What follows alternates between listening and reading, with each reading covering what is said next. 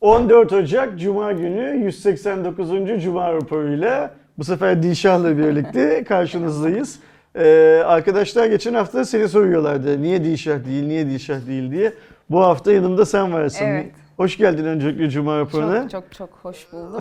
Heyecanlıyım, çok heyecanlıyım. Öyle mi? tuhaf Niye canım heyecanla sohbet edeceğiz sadece. Tabii canım VIP seyircisi olduğum programda sunucu olmak güzel bir duygu. Niye seninle birlikteyiz bu hafta Cuma raporunda? Bunun detayını paylaşalım şöyle. Aydoğan rahatsızlığı, Aydoğan rahatsız değil aslında ev arkadaşından dolayı Aydoğan'ın. Covid olma olmuş olma ihtimali var. Gerçi yaptırdığı testler onu Negatif. göstermiyor.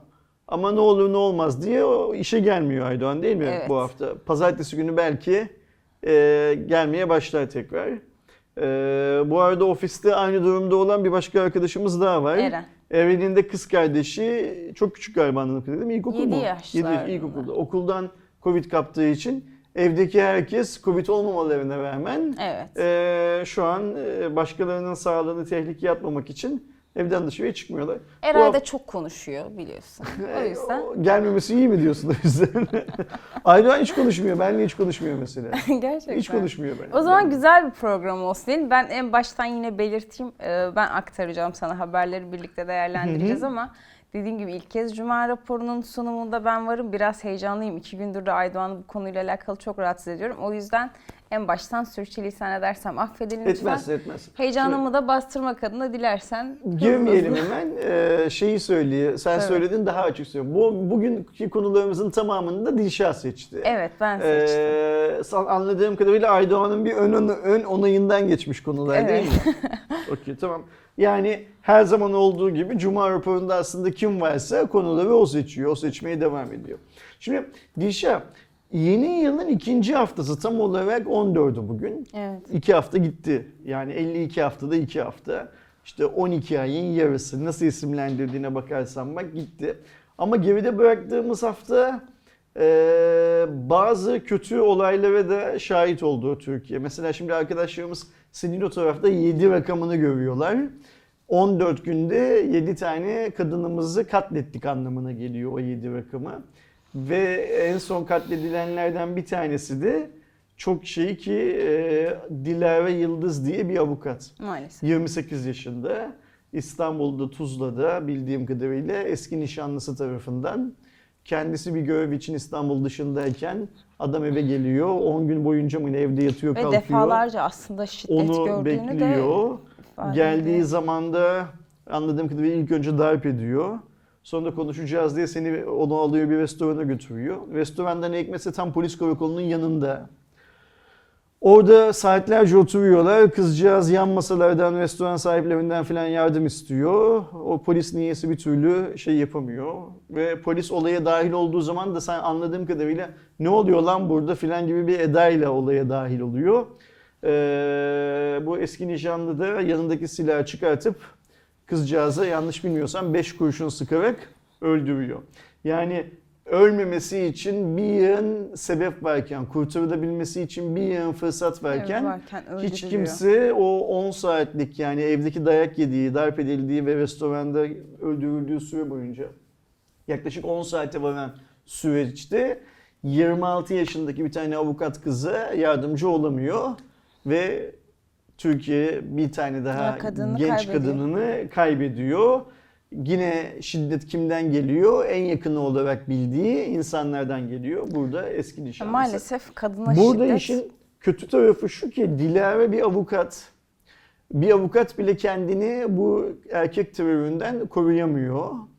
Ee, ve biz ondan sonra dönüp işte Anadolu'nun bazı bazı bölgelerindeki ev kadınlarının ya da çok küçük kız çocuklarının filan e, bu erkek teröründen kendilerini korumaları gerektiğini söylüyoruz. Nasıl söylüyoruz? İstanbul'da, Ankara'da, İzmir'de rahat koltuklarımızda oturur haliyle bir haberi Twitter'dan ekrandan paylaşım yaparak. o okurken vesaire vesaire filan söylüyoruz.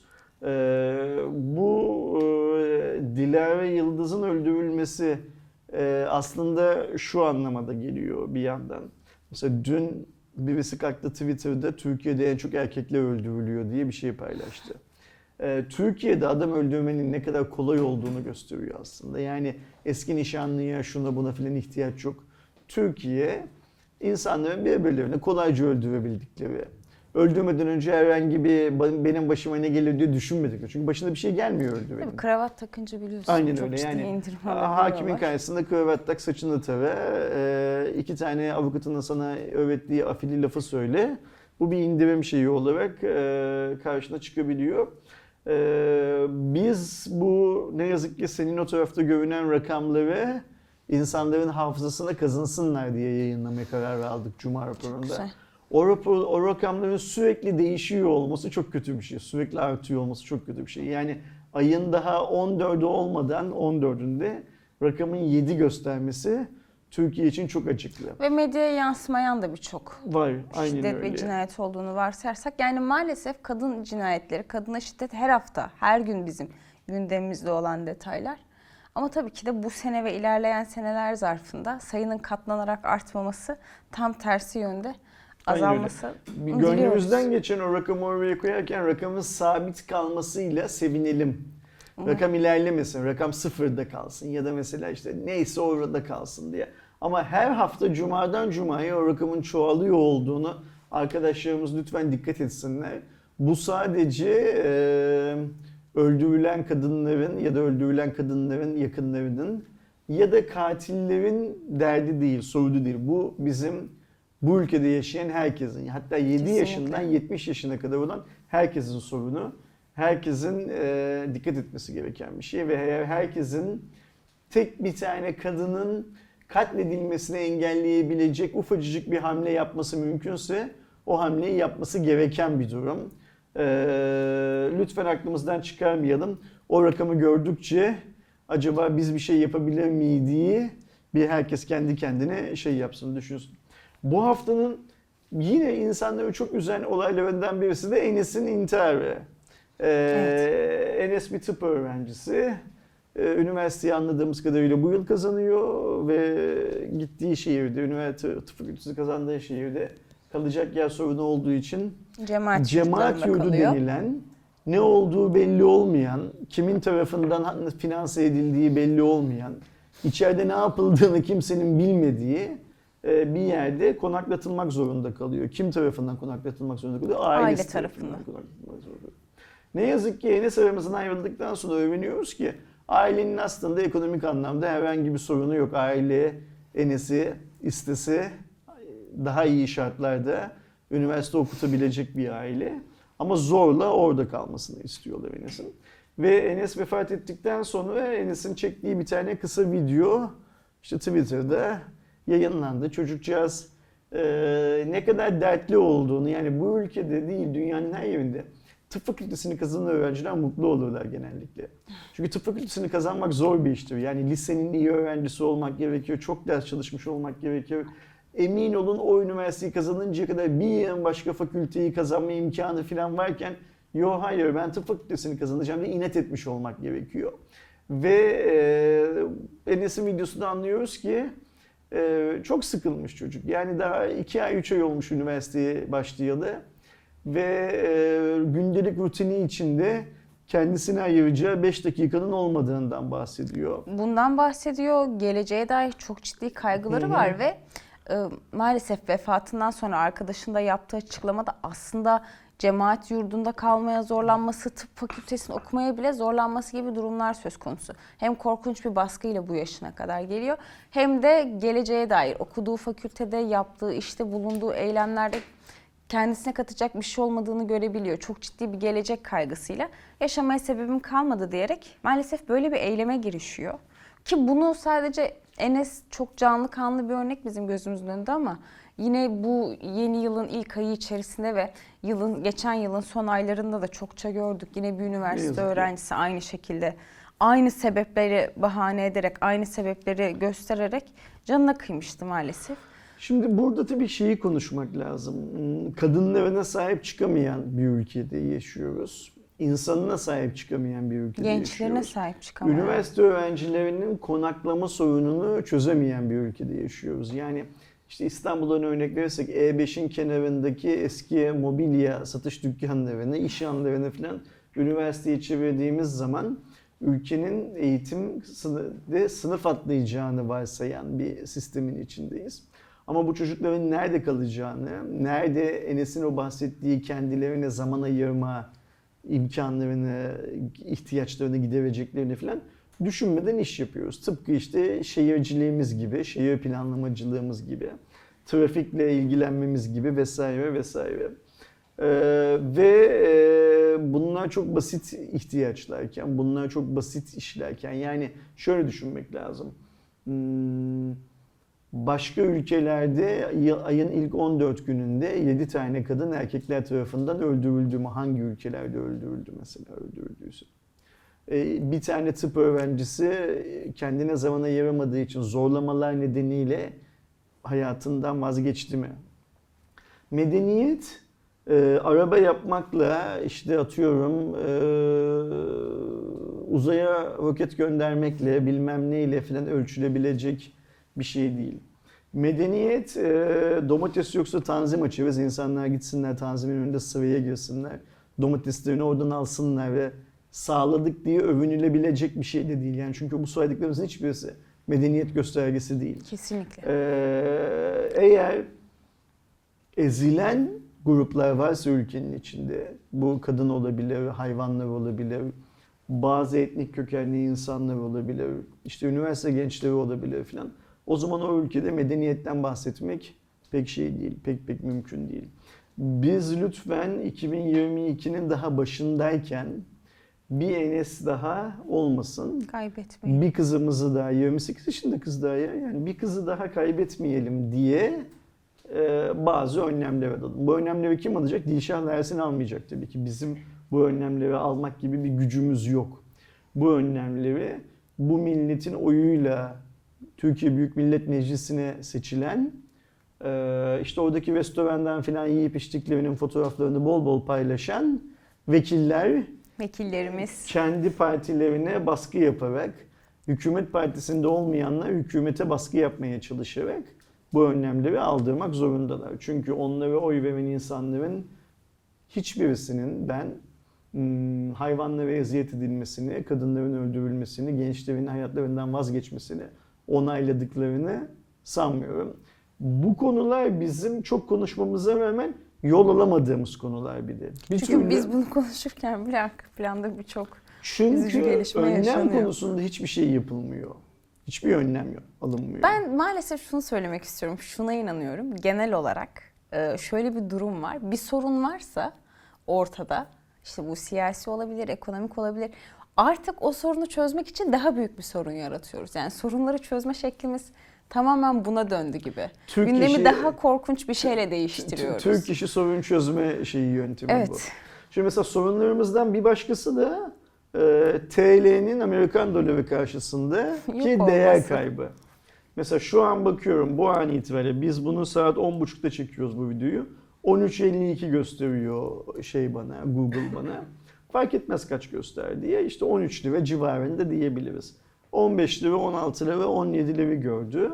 Ayın 20'si miydi, 21 miydi neydi aralığın Sayın Cumhurbaşkanı Recep Tayyip Erdoğan televizyonda Türkiye'de market kapandıktan sonra bir konuşma yaptı. Ve bir anda dolar düşmeye Ciddi başladı. bir ivme kazandı. Ve yanlış düşmede. hatırlamıyorsam 2-3 gün boyunca küçük küçük düşmeye devam etti. Tabii. 10 küsür liralara kadar gördü galiba.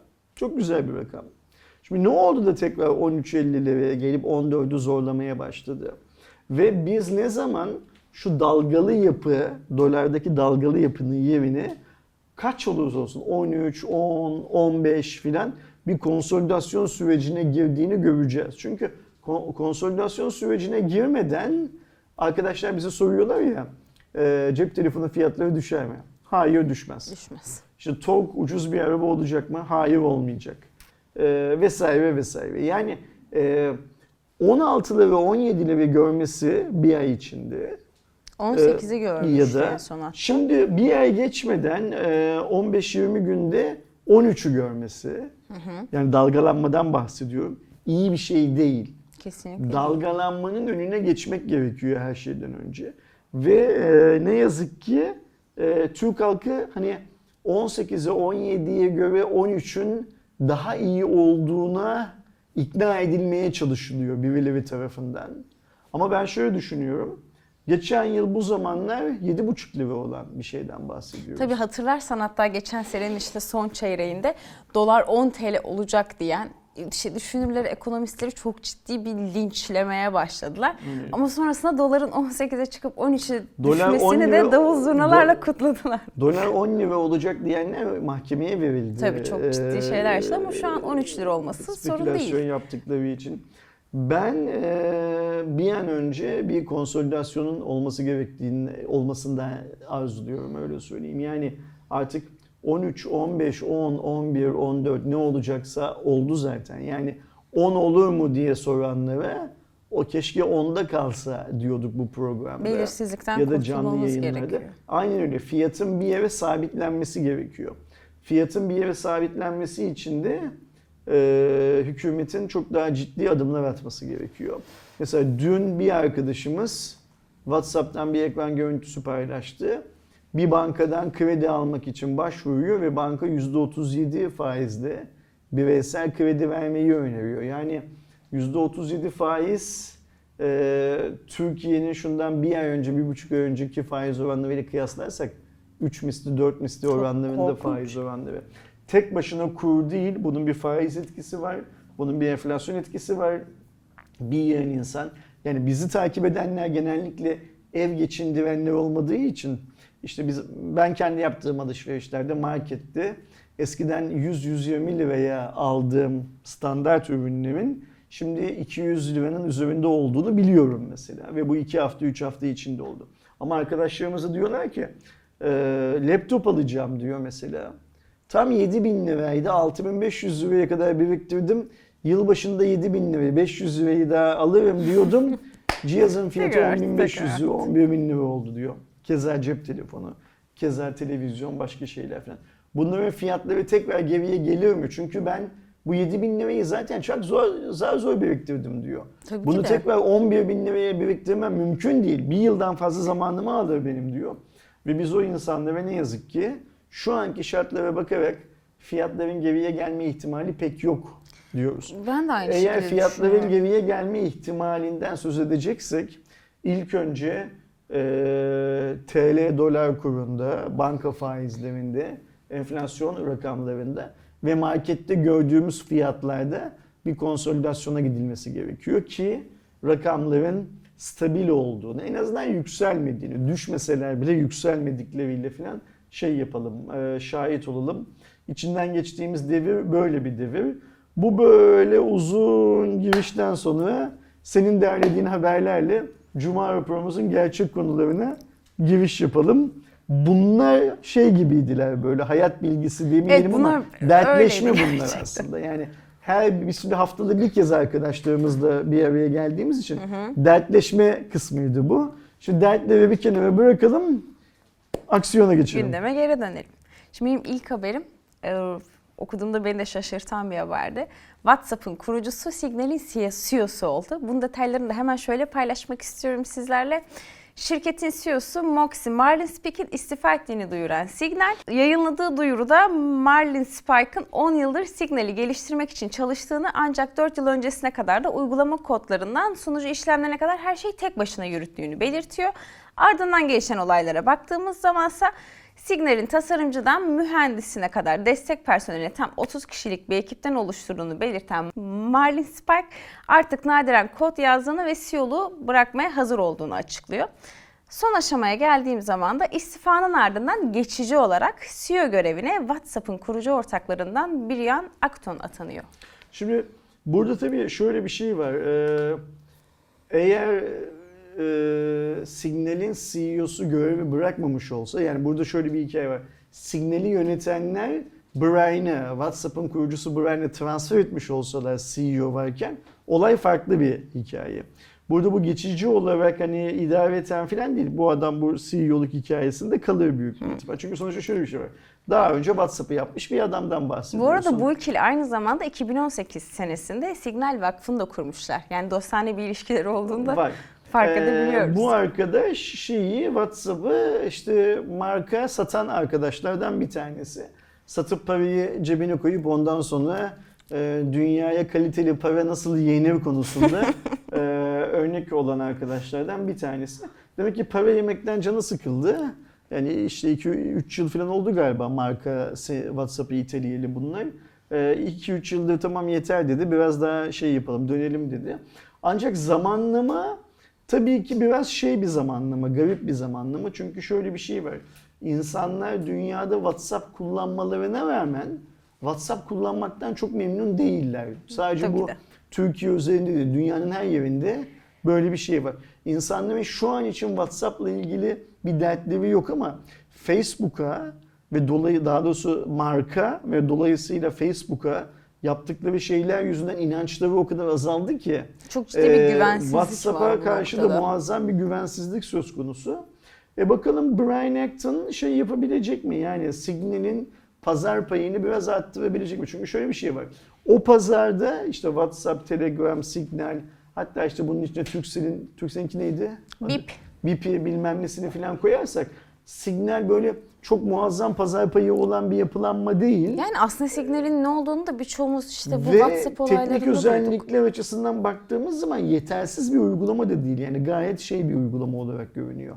E, vasıflı bir uygulama olarak Tabii. görünüyor. Yani en azından WhatsApp'ta olan her şeyin olduğunu ve fazlasını sunduğunu bildiğimiz bir sistem. Bakalım göreceğiz yani. Mesela şimdi ben şöyle söyleyeyim. Ben bugüne kadar cep telefonuma signal yüklemedim hiç. Eğer bu saatten sonra yüklersem herhangi bir şey nedeniyle bu bu adamın şeyidir, e, başarısıdır. Başarısıdır. Aynen öyle yani. Öyle bakmak lazım olaya. Bazı fırsatlar işte hani diyor fırsat eski CEO'nun görevden ayrılması. Bazı insanlar için, kim için? Brian için yeni bir kariyer, yeni bilmem ne fırsatı olabiliyor. Göreceğiz. Ben bizim izleyicilerimiz arasında signal kullanan kaç kişi olup olmadığını da merak Hakikaten ediyorum. bunu ben de merak Aynen, o ediyorum. yüzden- Paylaşın bizimle yorumlar Eğer kısmında. signal kullanan varsa e, lütfen yorumlara yazsın. Signal telefonunda kurulu olan ama kullanmayan varsa da niye kullanmadığını yazsın. Bir de ben şeyi de merak ediyorum. Signal kullanan kullanıcıların hani rehberde de kaç kişinin kullandığını görüntüleyebiliyoruz ya işte rehberinizdeki ortalama yoğunlukla beraber detaylı bir şekilde aktarırsanız biz de oradan iyi bir ortalama çıkarmış oluruz. Ben başka bir güzel haberle Lütfen. devam etmek istiyorum. Bu güzel bir haber. Kanser ilacında umut veren bir gelişme yaşandı. Özellikle Süper. akciğer kanseri için geliştirilen tedavide faz 1 aşaması tamamlandı. Bu sayede klinik çalışmalara geçildi. Ve bunu e, Boğaziçi Üniversitesi Kimya Bölümü öğretim üyesi Profesör Doktor Rana No- Nomak Sa- Sanyal ve ekibi tarafından akciğer kanserine karşı geliştirilen laboratuvar çalışmalarıyla sonuçlandığını öğrendik. Detaylara geçmeden önce ben hemen bir senin fikirlerini almak istiyorum. Ya şimdi bu tabii ki hmm, vaat edilmiş topraklarda altın aramak falan gibi bir iş değil. Yani dünyada bu işle ilgili çalışan binlerce ekip var. Bu ekiplerden bir tanesinin bu aşamaya gelmesi demek diğerlerinin önüne geçmesi anlamına geliyor. O ekibin de bir Türk ekip olması tabii ki hepimiz Gurur için şey ne derler mutluluk verici bir şey. Şimdi şunu unutmamak lazım. İki tane Türk bilim insanı ee, işte bu Covid aşısı konusunda denenmemiş yeni bir şeyin denenmesini sağladıkları için bakın aşıyı onlar bulmadı. Onlar aşının üretilme yöntemiyle ilgili yeni bir teknolojiyi çalışıyorlardı kaç zamandan beri. Bir anda Almanya'da ve dünyada günün insanı oldular. Yani bilimsel başarı akademiden çıktık akademide kanıtlanmış haliyle bitmiyor. Onu ürüne çevirebilmek de çok çok önemli. O arkadaşlar önlerinde saygıyla düğme şey yapmak lazım, iliklemek lazım. Biontech denilen işin altından büyük bir başarıyla kalktılar ve her türlü övgüyü hak ediyorlar. Tahmin ediyorum ki herhalde son 2-3 yıl içinde dünyada en çok zenginleşen insanlar da bu iki bilim insanımızdır. Türk kökenli bilim insanımızdır. Şimdi buradan yola çıkarak hmm, ekonomik anlamdaki gelişmeyi sadece yerli araba, turizm, işte vergi geliri bilmem ne filan diye algılamamak lazım. Bu iki Türk insanının, Türk kökenli bilim adamının Alman ekonomisine yaptığı katkı öyle ya da böyle yakın gelecekte bazı akademisyenlerin yaptıkları araştırmalarda rakamsal olarak yer alacak diye şey. Ve biz göreceğiz ki Türkiye'nin bağrından çıkıp Almanya'ya gidip o eğitimi alıp o fırsatı bulup bu işi gerçekleştiren iki tane bilim insanı söz konusu dönemde Türkiye'nin bütçesinden daha büyük bir rakamı Alman ekonomisine kazandırmışlar. Aynen öyle. Şimdi oradan yola çıkıp Boğaziçi Üniversitesi'nde bu çalışmayı yapan arkadaşlara gelelim ve sadece şunu söyleyeyim ben. Neden olmasın? Ya umarım da olur zaten. Bu çok heyecan verici bir çalışma. Yani kanser günümüzün vebası değil mi? Her türlü kanserin. Herhangi bir türünde insanları iyileştirme ya da insanları kanserden koruma anlamında üretilecek olan bir ilacın Boğaziçi Üniversitesi'nin kimya laboratuvarlarında yapılan çalışmadan çıktığını bilmek ben eminim Boğaziçi Üniversitesi'nin kapısına o kelepçeyi takarak öğrencilerin içeride kalmasına e, arzulayan polis memuruna ve ona o emri veren amirinin bile hoşuna gider. Kesinlikle. Bu hiç kimsenin hoşuna gitmeyecek olan bir şey değil. O yüzden hocayı e, yani Rana Hanım'ı ve ekibini içtenlikle şey yapmak lazım. Tebrik kutlamak, ederiz. tebrik etmek lazım. Şimdi e, rakamlara baktığımız zaman, rakamlardan kastımız bu FAS çalışmalarındaki rakamlara baktığımız zaman daha çok küçük rakamlar bunlar tabii ki. Ama işte faz faz yani adım adım ilerliyor. Umarım ben kendi adıma söyleyeyim. 6 ay sonra, 8 ay sonra, 1 çalışmalarda yıl sonra filan. Cuma raporunda e, Boğaziçi Üniversitesi'nin kimya laboratuvarında gerçekleşen çalışmalar sonunda elde edilen bilmem ne isimli ilaç tüm dünyada satışa çıktı haberini de yine arkadaşlara veririz. Ama senin bu konuyla ilgili söyleyecek bir şeylerin daha var galiba. Verecek bazı bilgilerin daha var galiba. Onları da dinleyelim. Sonra bir sonraki habere geçelim. Ee, konunun aslında beni heyecanlandıran noktası ya biliyorsunuz dünya üzerinde ülkemizde de yalnızca bu değil. Birçok kanser üzerine farklı kanser türleri üzerine aşı ilaç geliştirmeleri sürüyor. Ancak e, bahsi geçen çalışmada ki faz 1 aşamasının tamamlanmasında hem e, gönüllü olan ortalama 11 ağır hasta hem de orta derecedeki hasta üzerindeki faz 1 çalışmalarının olumlu sonuç verdiğini ve klinik çalışmalara bu verilerle geçilmesini de az önce senin de bahsettiğin gibi Umarız ki 6 ay içerisinde, bir yıl içerisinde evet bulunduğu etkinliği çok yüksek, yan etkileri çok düşük gibi haberlerle karşılaştıracak olması beni bir tık heyecanlandırdı işin aslına bakacak olursanız. Çok haklısın heyecanlanmakta. Bence her Türk vatandaşı bundan heyecan duymalı zaten. Değil mi? Devam edelim mi öyleyse? Lütfen. Şimdi bu biraz Eray gibi olacak. Yine uzayla alakalı ben bir haber seçtim ama gündemimizde olması gereken bir haber olduğunu düşünerek. Bence bu haberi iyi ki seçmişsin. Bu haber e, günlük medyada atlandı biraz. Önemsiz görüldü benim anladığım kadarıyla. Kaynadı arada. Kaynamaması gereken haberlerden bir tanesiydi. Top sende. Evet hemen başlığını zaten sen detayları paylaşmış oldun. Başlığından bahsedeyim ben de. Türkiye'nin ilk cep uydusu Girizu 26 3A uzaya fırlatıldı. Okey. Kim tarafından fırlatıldığı daha önemli Dilşah burada. Hemen paylaşıyorum. Türkiye saatiyle 18.25'te ABD'nin Florida eyaletinde bulunan Cape Canaveral üssünden başarıyla uzaya fırlatıldığı detayını görüyoruz.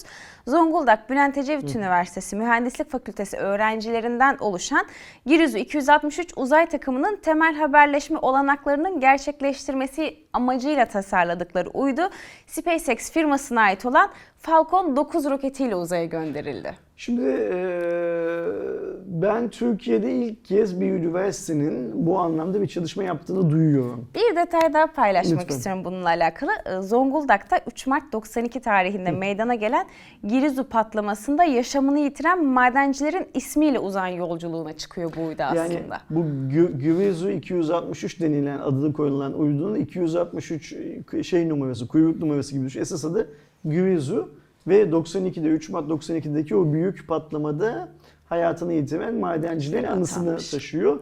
Zaten aslında bir nevi şeydi Zonguldak'taki üniversitede o madencilerin anısına yapılan bir üniversite falan gibi düşünebiliriz. Şimdi Türkiye'de herhangi bir üniversitenin bugüne kadar böyle kapsamlı bir iş yapıp yapmadığını ben bilmiyorum. Bilmememin nedeni de büyük bir ihtimalle tıpkı bu haberin Türkiye gündeminde kaynaması gibi diğerlerinin de kaynadığını varsayıyorum eğer yapıldıysa bile. Ama yapılmadığından yola çıkarak, yapılmadığını varsayarak söylemek gerekirse bence bu iş hmm, Türkiye'deki üniversitelerin boyunu aşan bir iş. O yüzden Kesinlikle. Zonguldak Bülent Ecevit Üniversitesi'nin başta mühendislik fakültesindeki tüm öğrencileri ve tüm yöneticileri, tüm hocaları olmak üzere üniversitenin tamamında görev alan yönetici hocaların tamamını kutlamak lazım böyle bir iş yaptıkları için. 4 yıl 8 ay görev süresi az olarak şey yapılabilir, konumlanabilir ama şunu unutmamak lazım. Bu bir üniversite girişimi. Yani Ve bir kesinlikle. devletin, bir hükümetin tüm halkına hizmet vermek için ya da bir şirketin uzaya uydu göndereyim de ben bu işten para kazanayım falan amacıyla yaptığı bir iş değil. Ee, biz Türkiye'de bu normda üniversite, akademik çalışmalar görmeye devam edersek Türkiye'deki akademiden şey yapabiliriz, e, umutlu olabiliriz. Öbür türlü bir yere gitmemiz mümkün değil. Şimdi SpaceX'le çalışıyorlar. E, Türk hükümeti de SpaceX'le çalışıyor. Ya da dünyadaki bir yarım farklı ülkede SpaceX'le çalışıyor. İşte Amerika'nın en meşhur e, fırlatma ünitelerinin olduğu yerden fırlatıyorlar. Şundan yanlış hatırlamıyorsam iki hafta, üç hafta önce Türk hükümeti de kendi uydusunu Tabii oradan galiba fırlattı şey anlamında. Bu işe e, içinde olan öğrenci arkadaşlarımızın e, mezun olup farklı farklı şirketlerde işte satış temsilcisi bilmem ne filan adı altında harcanıp gitmelerine engel olmak gerekiyor. Kesinlikle. Bu engel olma işi de bence biraz yine dönüyor dolaşıyor kamunun elinde patlıyor. Kim dediğim, kamu dediğimiz şey kim? İşte işi Cumhurbaşkanı'na, Başbakan'a, Başbakan yok artık Cumhurbaşkanı'na meclise falan götürmeye gülümse de. TÜBİTAK'ın elinden öpüyor bu biraz. Uzay Araştırmaları Merkezi'nin elinden öpüyor biraz.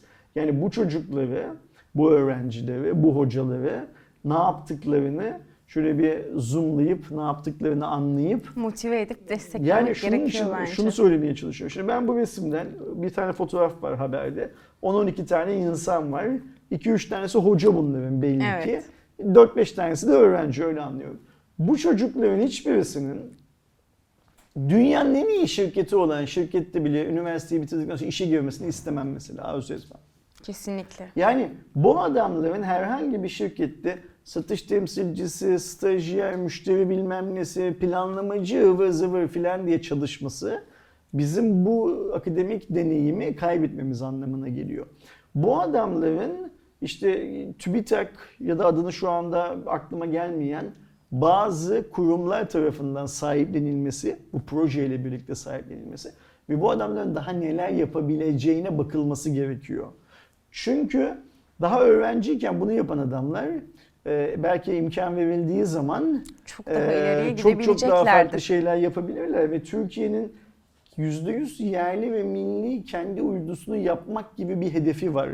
Türkiye bunun için çalışıyor. Daha iki hafta, üç hafta önce Sayın Bakan dedi ki işte kendi uydumuzu gönderdiğimiz zaman bir sonraki uydumuzda yerlilik ve millilik oranını daha yukarıya çıkartacağız dedi. Umarız. Burada bu adamlar var işte. Bu adamlar bu iş için okuyorlar. Eminim sadece Zonguldak Bülent Ecevit Üniversitesi'nde değil, bir yığın farklı üniversitede bu adamlara benzer çocuklar bir şeyler yapıyorlardır. Yurt sorunuyla uğraşmasınlar. Ee, bazı baskıların altında ezilmesinler.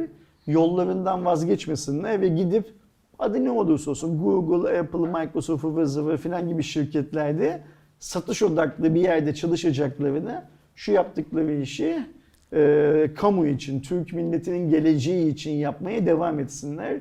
E, inşallah bizim şu kadarcık kafamızda bu kadarını düşündüğümüz şeyi o uzay ajansıydı, TÜBİTAK'tı bilmem neydi filan gibi yerleri yöneten insanlar bu kadar bu kadar zekalarıyla şimdiden düşünmüşlerdi ve şimdiden bu çocuklarla bunların akademik kadrolarıyla yani eğitmenleriyle, e, üniversite yönetimleriyle vesaire vesaire görüşüp gerekiyorsa Zonguldak Bülent Ecevit Üniversitesi içinde gerekiyorsa dışında herhangi bir teknokentte filan bu arkadaşların yaptıkları çalışmaları ne kadar ileriye götürebileceklerinin test edildiği bir laboratuvar ortamı kurmak için gerekli aksiyonu çoktan almışlardır diyelim inşallah. Umarız öyledir. Umarız bu şekilde ilerler. Tamamen düşüncelerine katılıyorum. Bu da beni çok heyecanlandıran, okuduğumda kesinlikle Cuma raporunda olmalı almışsın. dediğim bir haberdi. Şimdi devam edelim. Güzel haberlerle ilerledik işin aslına bakarsan. Ben mutluyum şu ana kadar. Yavaş yavaş senin de böyle biraz ilgi odağında olan kripto paralarla alakalı iki farklı haberimiz var. Bunlarla başlayacağım. Bu beni şaşırtan bir haberdi. Hemen uzatmadan başlıyorum. İran uluslararası ticaret için, uluslararası ticaret için kripto para kullanımına izin verecek. Şimdi İran hmm, zor durumda bir ülke. Yani şöyle zor. Bizim komşumuz Türkiye'nin Son komşusu. çaresiymiş gibi bir hamle gibi geliyor değil mi sana da? Ve işte bir yığın ambargo altında, Amerikan ambargosu altında. İran'la belki Amerikan ambargosu nedeniyle, e, daha doğrusu Amerika'nın İran'a koyduğu ambargo nedeniyle Türkiye'nin gelirlerinde de muazzam düşüşler var. E, Yani biz bu adamlarla komşu olduğumuz için daha fazla ticaret yapmayı arzularız. E, Türkiye'de İran'a satılabilecek çok fazla mal ve hizmet üretiliyor. Ama ambargo nedeniyle bunların bir kısmı şey yapılamıyor. Ne derler? Satılamıyor. Ya bunu biliyoruz. Fakat İran'ın şöyle özel bir durumu var. İran bundan bir süre önce de ülkede kripto para madenciliğini destekleyeceğini açıkladı. Şimdi bunu şöyle düşünmek lazım. Kripto para madenciliğinin en büyük maliyeti elektrik. İran gibi toprağın altından e, petrol ürünleri çıkan, sadece petrol değil, petrol ve petrol ürünleri çıkan bir ülkede elektrik çok büyük bir şey değil, maliyet değil. Ve kripto para yani Amerika sana ambargo uyguluyorken sen çıkarttığın petrolü satamıyor, herhangi bir yerden istediğin her şeyi alamıyorken İran'ın durumu şu anda bu. Evet arkadaşlarımız diyecek ki çocuk maması alabiliyor. Alıyor işte çocuk maması alıyor. İlaç alıyor ama ilaç alıyor işte başka bir şey alamıyor. Ha belki Mercedes almak zaten istemiyor. Ayrı mevzu ama İran'a çok fazla müeyyidele uygulandığını biliyoruz. Şimdi oradaki petrol ve petrol ürünlerindeki doğan değeri İran'ın tabii ki kendi ekonomisine kazandırması gerekiyordu. Bir süre önce kripto para madenciliğini serbest bırakacaklarını açıkladılar.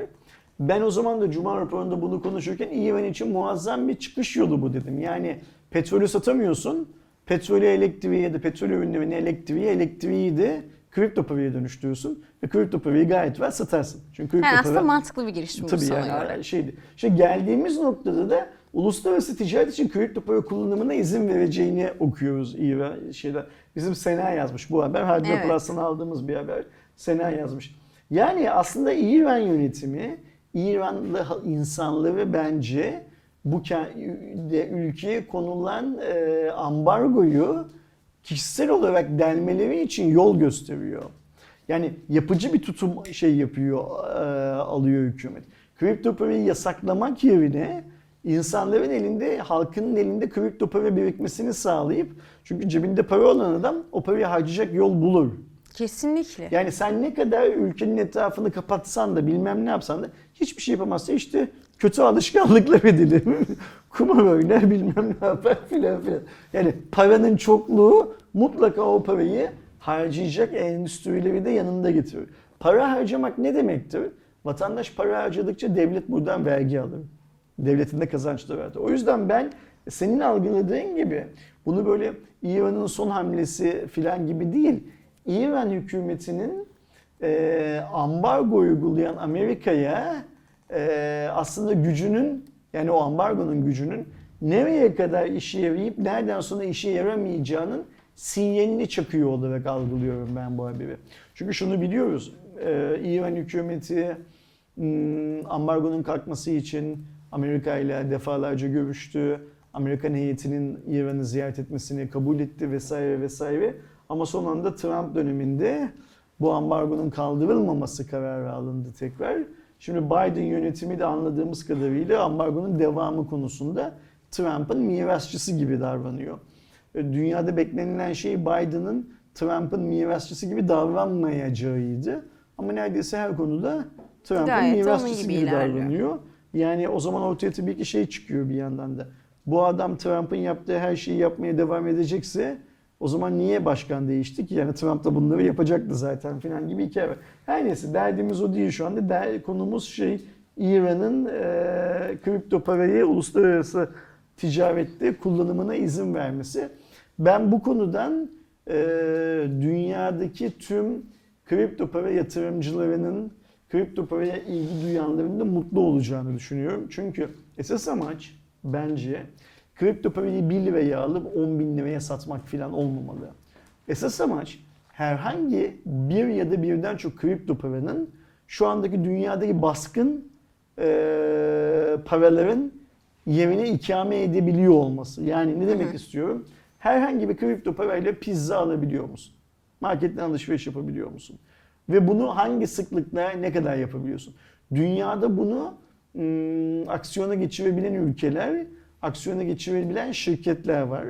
Bir de dünyada kripto parayla alışveriş yapmayı yasaklayan ülkeler var. Tabii. Biz yasaklayan ülkelerden bir tanesiyiz Türkiye olarak. Yani bugün bir Alman, İngiliz, hani o şarkı vardır ya, bir Hollandalı, bir Antalya'da mutlu Hollandalı filan hikayesi. Türkiye'ye geldiği zaman içtiği kahveyi kripto parasıyla ödeyemiyor mesela. Ama Bolivya'ya gittiği zaman. Bolivya'da bunu ödüyor. Ee, bu da uluslararası ticarette, daha büyük ticarette bu paranın kullanılabilmesi anlamında çok şey. Bu arada Bolivya dedim El Salvador olması lazımdı. Özür diliyorum.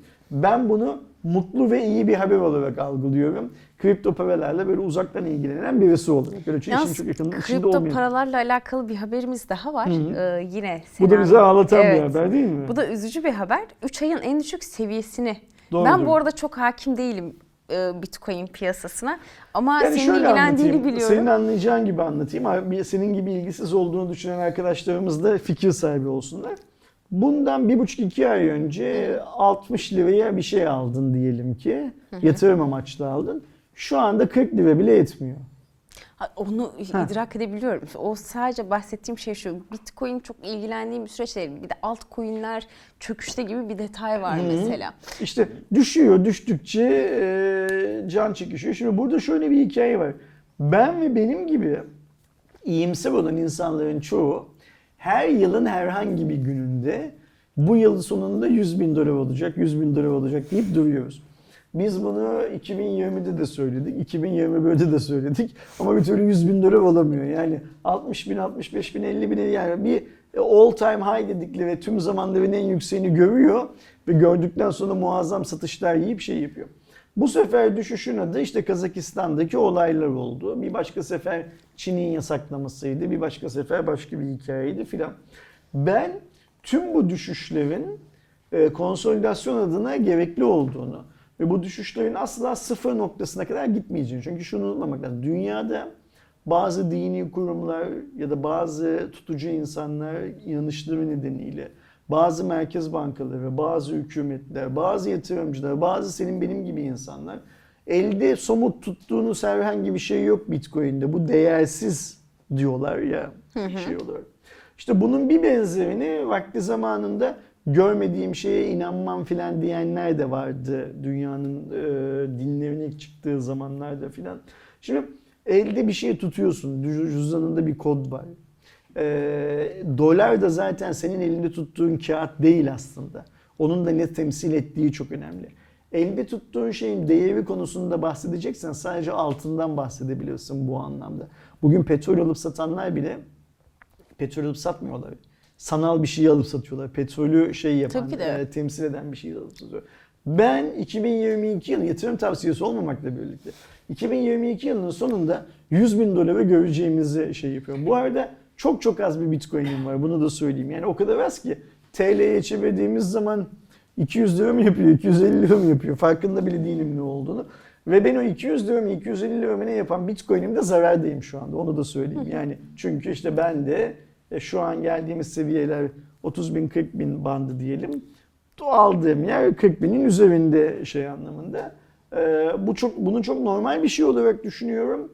Ee, Bitcoin önünün açılabilmesi için dünyadaki hükümetlerin gerekiyorsa tek tek ki şu anki gidişat öyle tek tek ya da bir konsensüsle birlikte e, bunun regülasyonlarını belirlemeleri gerekiyor. Bu regülasyon süreçleri tüm dünyada aşıldıktan sonra biz belki 100 bin dolarları falan e, konuşmayacağız bile. E, ben öyle şey yapıyorum, umut ediyorum. Ha bu arada şöyle bir şey var. Eğer bana arkadaşlarımızdan birisi şunu sorarsa, Ersin sen gerçekten Bitcoin yatırımları yaparak zengin olabileceğini falan düşünüyor musun diye sorarlarsa, benim e, Bitcoin ve onun çevresindeki altcoin'lerle ilgilenme nedenim zengin olmak falan değil. Benim işim belli. Ben yayıncılık yapıyorum ve eğer zengin olacaksam yaptığım işten zengin olmam lazım. Ben milli piyango bileti falan da almıyorum bu arada. Tabii. Yani hani sayısal loto ve zıva falan da oynamıyorum. Benim tek gelirim e, bu şirketin gelirlerinden bana düşen pay.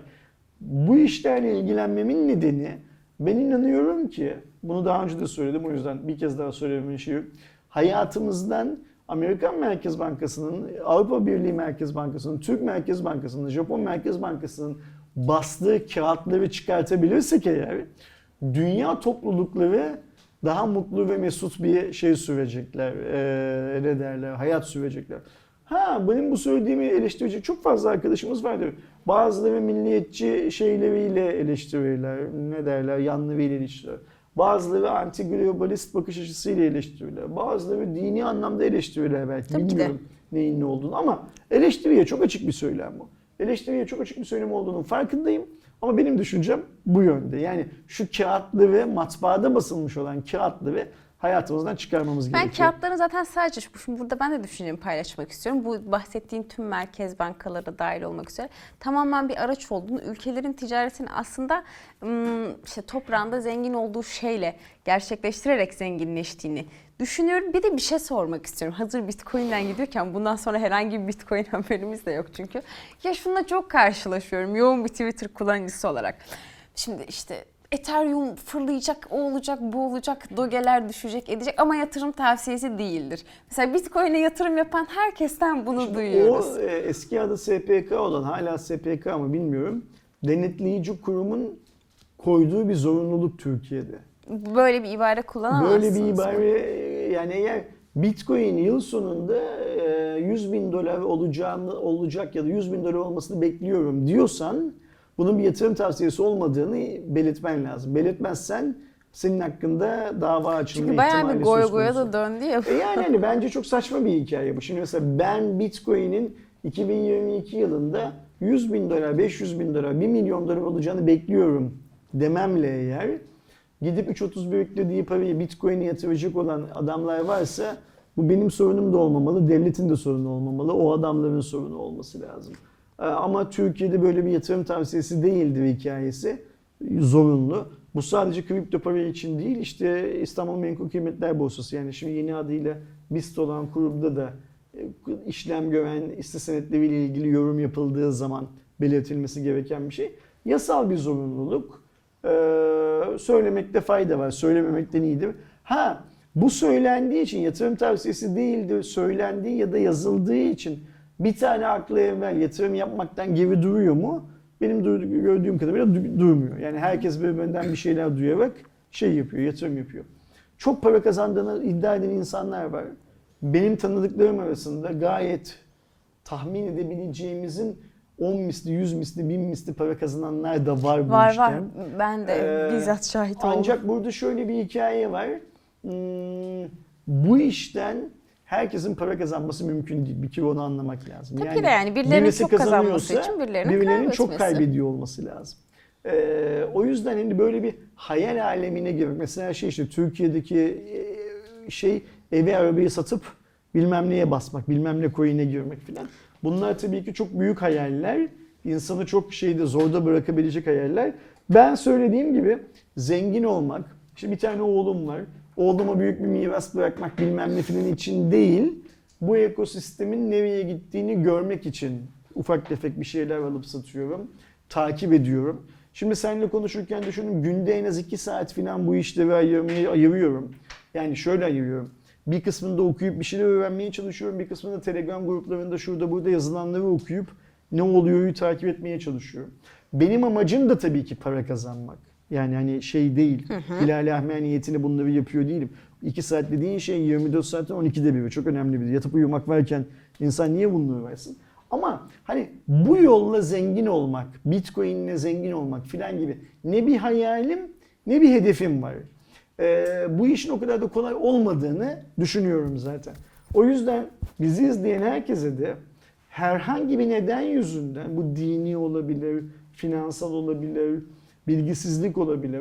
Konuyla ilgilenmiyorlarsa bile en azından okuma babında, okuma formunda e, neler döndüğünü, neler olduğunu, neler bittiğini yani, yani haber alma anlamında e, kafalarını bir o tarafa doğru, kripto para dünyasına doğru çevirmelerini öneriyorum. Kripto para dünyasında şu anda en iyi para kazanan kurumlar benim gördüğüm kadarıyla borsalar. Tabii ki de. Yani bu istiyorsa. Binance olsun, istiyorsa BTC Türk olsun, Paribu olsun fark etmez. Senin aldığın sattığın her şeyden adamlar para kazanıyor. O yüzden o adamlar seni alıp satmaya ikna etmek isterler. O adamlar senin söylediğin gibi işte Doge uçacak bilmem ne yapacak falan haberlerini gizliden gizliye alkışlarlar. Çünkü Elon Musk Dogecoin e, tweet attığı zaman Bir yiyen insan Dogecoin alıyor. Sonra karla satıyor. Ne oluyor? Alan kazanıyor ya da birileri kaybediyor ama borsa hep kazanıyor. Alırken de satarken de kazanıyor. O yüzden hmm, volümün bir parçası olmamak lazım. O suyun içine dalıp köpek balıklarına yem olmamak lazım bence. Ve çok dikkatli hareket etmek lazım. Tehlikeleri farkında olmamıza rağmen o cenaha yani e, kripto para dünyasına şöyle bir cepheyi dönüp oraya bir bakmak lazım. Bu şey gibi. e, bahardan yaza ilk geçtiğimiz günlerde herkes öyle bir güneş bulur ve ısıtsın diye kendisini o güneşe çevirir ya. Cephemizin bence şey olması, kripto para olması, oradan gelen haberleri, gelişmeleri falan izliyor olmamız hiç kimseye zarar vermez. Dinden de çıkarmaz bence hiç kimseyi. O yüzden hani çok da şey yapmamak lazım, e, dert etmemek lazım. Bu benim görüşüm tabii ki. Ben Bu arada ben çok teşekkür ederim. şey Gerçekten yapıyorum. kripto paralarla alakalı, Bitcoin ile alakalı ilk kez bu kadar net anlayabildim. Ve çok mantıklıydı. Çok çok çok teşekkür ediyorum. Devam ettiğimizde bu haftanın gündemi de gerçekten çok kalabalık. O yüzden e, önemli olduğunu düşündüğüm ve takipçilerimizle seveceği 3 haberi ben seninle paylaşacağım. Sonrasında fikrini almak istediğim diğer konularımıza devam edeceğim. İlk olarak hemen başlayalım uzatmadan. OnePlus şirketi OnePlus 10 Pro'nun bir saniyede 18 bin ila 20 bin arasındaki tüm stoğunu tüketerek bir saniyede yine aynı şekilde 15.7 milyon dolar kazandırdı şirkete. Böyle bir haberimiz var. Helal hoş olsun. Yine devam ediyorum. Oyunlarla alakalı iki haberimiz var. İki oyunu da ben çok severek oynuyorum. Fortnite iOS ve Android platformlarda yani artık App Store'da da Google Play Store'da da indirilebilir bir oyun ve oynanabilir bir oyun olarak karşımıza çıkıyor. Ve PUBG'nin tüm platformlarda ücretsiz olduğu haberini paylaşalım. Doğu şu an gülümsüyor zaten arkadan bu haberle ilgili olarak. Doğuş bugüne kadar PUBG'ye para harcamamıştır. Hiç harcadın mı hiç para? Hiç... Ben tamamen Okey tamam. Yani zaten e, ben tahmin ediyorum ki dünyadaki birçok oyuncu Doğuş gibi e, hiç para harcamadan oynuyordu. Bu haberde işte onları şey yapmış oldu. Daha da rahatlatmış oldu. Kesinlikle. O zaman haberlerimize devam ediyoruz. Ben böyle hakikaten teknolojiden ziyade gündemi çok meşgul eden konuları masaya yatırmak istedim. O yüzden yine böyle bu hafta gündemimizi çok meşgul eden ama yine içinde teknolojinin de bulunduğu bir konuyla devam edelim. Twitter, Lemansam'ın Araplarla ilgili attığı ırkçı tweet'i kaldırdı. Daha önce de yapmıştı bu arada. İşin aslına bakarsanız ikinci kez yaşanan bir durum. Ama bu sefer bu paylaşımı yapmasıyla beraber Twitter'dan Nefret söylemi yasak. İş bu kadar basit. Sen herhangi bir şeyden ne derler kitleden nefret ettiğini açık açık Twitter'da yazamazsın. Ee, buradaki sorun şu.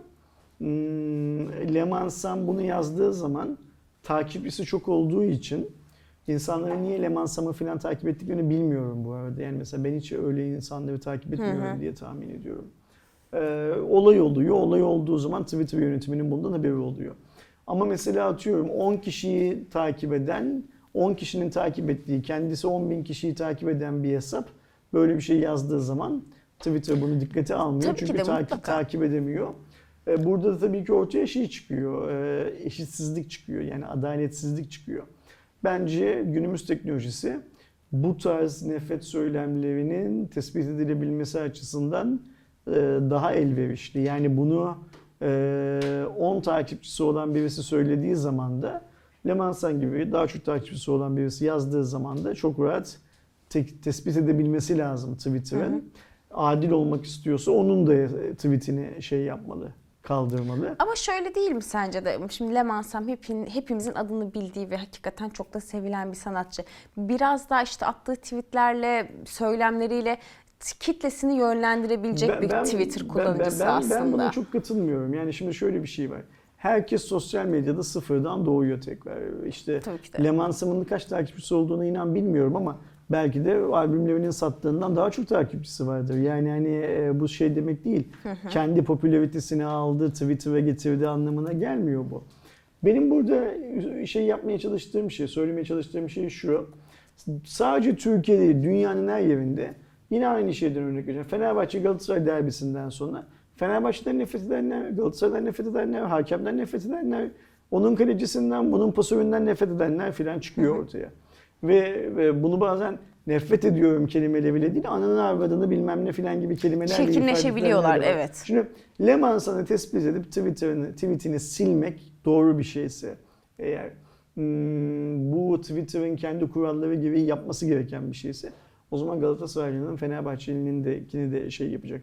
Ee, işte aşı karşıtı olup aşı yaptıranlardan nefret edenler var. Aşı yaptırıp aşı karşıtlarından nefret edenler var filan ya. Hakikaten. Dünyanın her yerinde var bunlar ve bunlarla da o zaman e, böyle etkin bir şekilde mücadele edecek. Ha sen Ersin'in Dilşat'tan nefret etmesine izin vereceksin. Ama Lemansa'nın Araplar, Araplar mı yazmış onu? Tabii tabii. Araplardan nefret etmesine izin vermeyeceksin falan gibi bir durum var. Ee, bu çifte standart. Bu doğru bir tutum değil. Nefret söylemi yasaksa o zaman Ersin'in tweetini de sileceksin. Bunu da ısrar ediyorsa Ersin'i de bloklayacaksın filan gibi şeyler var. Eşitlikçi adalet Twitter'ın yaptığı gibi bir şey değil.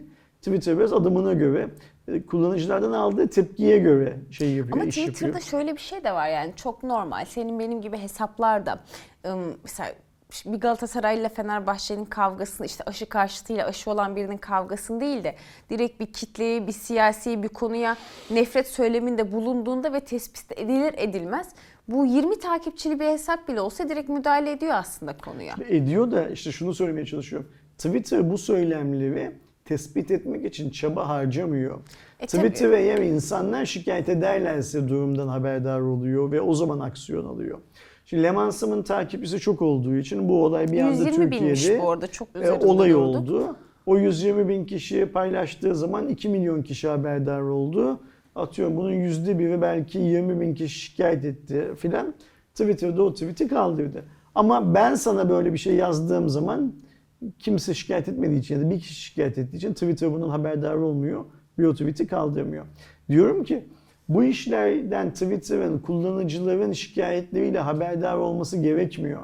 Twitter bunu istiyorsa kendini haberdar edebilecek mekanizmalar kuracak kadar bu işten para kazanıyor. Ee, kurar ve herkesinkine müdahale eder. O zaman daha adil olur Twitter'ın şeyleri. Bu e, tweet silmeleri bilmem ne yapmaları. Şu anki haliyle çok adil değil. Adaletin olmadığı yerde de türlü sorunlar ortaya mutlaka çıkar diyorum. diyelim ve devam edelim öyleyse. Lütfen. Ya daha önce de gündemimizde özellikle bu pandemide işte marketlerde bazı ürünlerin satımı yasaklandığında tekrar bir gündemimize gelmişti. Şu an bu hafta içerisinde yine tartışılıyor. Bunun amacı da daha çok esnafa, küçük esnafa, bakkallarımıza destek olmak diye açıklanıyor. Zincir marketlerde elektronik eşyalar da dahil olmak üzere birçok ürünün satışına yasak geliyor. Ama beraberinde bu bu arada haberimizin içeriğinde yok ama şöyle bir durum da var e, zincir marketlerde elektronik eşya veya işte küçük marketlerde ulaşabileceğimiz birçok şeyin satışına yasak gelmesiyle beraber birçok küçük market de artık elektrik giderini karşılamayacağı için dondurma dolabını bu yaz kabul etmeyeceğini söylüyor. Yani bu son tüketici olan bizleri Şimdi nasıl şöyle bir etkiler? hikaye var. Dondurmadan başlayalım. Eğer market dondurma satmak istemiyorsa o dolabı şey yapmayacak, kabul etmeyecek. Tabii ki de. Ee, ondan sonra da benim satışlarım niye düştü bilmem ne falan diye ağlamayacak. Bu onun kendi kişisel olarak verdiği bir karar. Ee, elektronik eşya satımının marketlerde yasaklanması ise küçük esnafı korumakla falan alakalı değil. Yani e, bu elektrik elektronik ürünleri satılanların tem, satanları temsil eden dernek e, çok uzunca bir zamandan beri hükümet nezdinde bu çalışmaları yapıyor zaten. Haklı oldukları noktalar var. E, bence haksız oldukları noktalar da var. Haklı oldukları noktalardan bahsedelim sadece. İşte diyorlar ki bizim esnafımız yani derneğe bağ- bağlı olan esnaf e, bu telefonun ya da bu teknolojik cihazın nasıl bir cihaz olduğunu biliyor, araştırıyor, trendleri takip ediyor. Ee, adamın bir sorunu olduğu zaman bana geliyor, esnafıma geliyor. O sorunu çözmek için esnaf yardımcı oluyor onlara. Hatta yeri geldiğinde cihaz bozulduğunda getirip bizim esnafımızı bırakıyor. Teknik servisi onlar gönderiyor filan. Marketlerse sadece yüklü satın almalarının gücünü kullanarak daha ucuz fiyata satıyorlar bunu. Ve daha ucuz fiyata sattıkları için insanlar daha ucuz satılan marketlerden alıyorlar. Ama marketlerden aldıkları zaman ne ürünle ilgili herhangi bir teknik bilgi alabiliyorlar ne de sonrasında destek alabiliyorlar diyorlar. Bu konuda haklılar şey anlamında. Şunu da hak veriyorum. Şimdi mesela köşedeki bilgisayarcı ya da köşedeki telefoncu 3 tane kulaklık aldığı için işte tanesini 100 liradan alıyor, 120 liradan satıyor atıyorum. Migros, A101 bilmem ne filan filan 300 bin tane kulaklık aldığı için bir tek alışta tanesini 80 liradan alıyor. 100 100 lira liradan satıyor. Her ikisi de 20'şer lira kar payı peşindeler. Her ikisi de 20'şer lirayı kazanıyorlar. Ama köşedeki bilgisayarcıda 120 liraya satılan kulaklığı market 100 liraya satınca kimse gidip köşedeki bilgisayarcıdan almıyor haklı olarak. 20 lira daha ucuz alıyor. Şimdi burada e, bu marketlerin bu ürünleri daha ucuza satabilmeleri için herhangi bir aksiyon alınacak mı? Önemli olan nokta bu. Tamam ya marketler dediğim esnaftan bahsediyorum. Tabii, küçük elektrik, esnaf. elektronik esnaftan. Şimdi, yoksa marketlerin bu ürünleri satmasını yasaklamak ya çok kolay. Bir tane genelgeyle yasaklıyorsun. Sen eğer onları marketlerde satışı yasakladığın zaman bundan vatandaş olarak Ersin olarak ben zarar göreceksem ben nasıl zarar göreceğim? 100 liraya alabileceğim ürünü 120 liraya almaya başlayacağım ya. Ben bundan zarar göreceksem ben böyle bir yasağın şeyinde değilim. Ne derler? E, alkışlayacaklar arasında değilim. Yani burada şuna dikkat etmek lazım. Bak Dilşah. Türkiye'de bu ve buna benzer e, sivil toplum örgütleri ya da e, esnaf örgütleri tarafından son 5 yılda çok yanlış işler yapıldı. Mesela Evet. bana soracak olursan e-mail kayıt ücreti, yolcu beraberinde gelen telefonlardaki e-mail kayıt ücretinin böyle yüzlerce misli artmasının nedeni de bu ve benzeri gibi örgütlerin bizim esnafımız telefon satamıyor diye haykırmalarından kaynaklanıyor. E ne oldu? Şimdi insanlar yurt dışından telefon getirmiyorlar ama yurt içinde de kimse gidip pahalı Telefon telefon, almıyor. almıyor. Herkes 2000 liralık, 3000 liralık Türkiye'de üreten. Daha geçen gün Milliyet Gazetesi'nde okudum. Şu an Türkiye'de en çok satan telefonlar Türkiye'de üretilen ve genel anlamda bizim izleyicimizin çok diye nitelendirdiği başlangıç seviyesi cihazlar. Evet. Kimsenin orta segment, üst segment cihaz almasına e, parası yetmiyor zaten almaya. E, e-mail kayıt ücreti doğru düzgün bir para olsaydı, e, insanlar yurt dışından bunu getirip 3.30 paraya kaydettirselerdi, en azından teknik servis, aksesuar bilmem ne anlamında bu elektronikçi esnafı diyeceğimiz esnaf para kazanırdı. Bu da evet Bozulduğu zaman e, teknik servis hizmeti verirdi. Kılıf satardı, pil satardı, powerbank satardı, bilmem ne satardı filan. Affedersiniz. O zaman hazır böyle telefonlardan ve teknolojiden gitmişken ya benim tam böyle teknoloji magazini diyeceğim bir haberle devam etmek istiyorum ben. Oppo biliyorsun son bu, bu- hafta içerisinde böyle Türkiye'deki fabrikasıyla alakalı bazı Öyleymiş, dedikodular evet. duyduk. Yani ortalama 500 kişiyi işten çıkarmasıyla alakalı gündeme geldi ve bununla alakalı da bir açıklama yaptı Oppo. Ee, Bununla alakalı yaptığı açıklaması da şu. Direkt aktarıyorum sizlere. Artan maliyetler hedeflenen üretim kapasitesini etkiliyor. Ne yazık ki sonuç olarak geçtiğimiz günlerde bazı işten çıkarmalar oldu şeklinde bir açıklama yapıyor. Ama bununla alakalı herhangi bir e, rakam vermiyor ve şunu ekliyor. Dünya genelinde devam eden ham madde ve yedek parça sıkıntısı, buna bağlı fiyat artışları Oppo ürünlerinin üretildiği İstanbul'daki fabrikanın hedeflenen üretim kapasitesini olumsuz etkiledi. Ne yazık ki sonuç olarak geçtiğimiz günlerde bazı işten çıkarmalar oldu ancak Türkiye Oppo için önemli bir pazar olmaya devam ediyor ve Oppo bu pazarda uzun vadede kalmayı planlıyor. Şimdi ben sadece Oppo konusuna geçmişti. Bundan bir iki önce Xiaomi'de de benzer olaylar yaşandığı zaman aynı şeyi söyledim. Ee, herhangi bir fabrikanın kaç kişiyi işe aldığını, kaç kişiyi çalıştırdığını, hangi rakamla çalıştırdığını, ee, kaç kişiyi işten çıkarttığını biz şey yapamayız, ne derler, değerlendiremeyiz.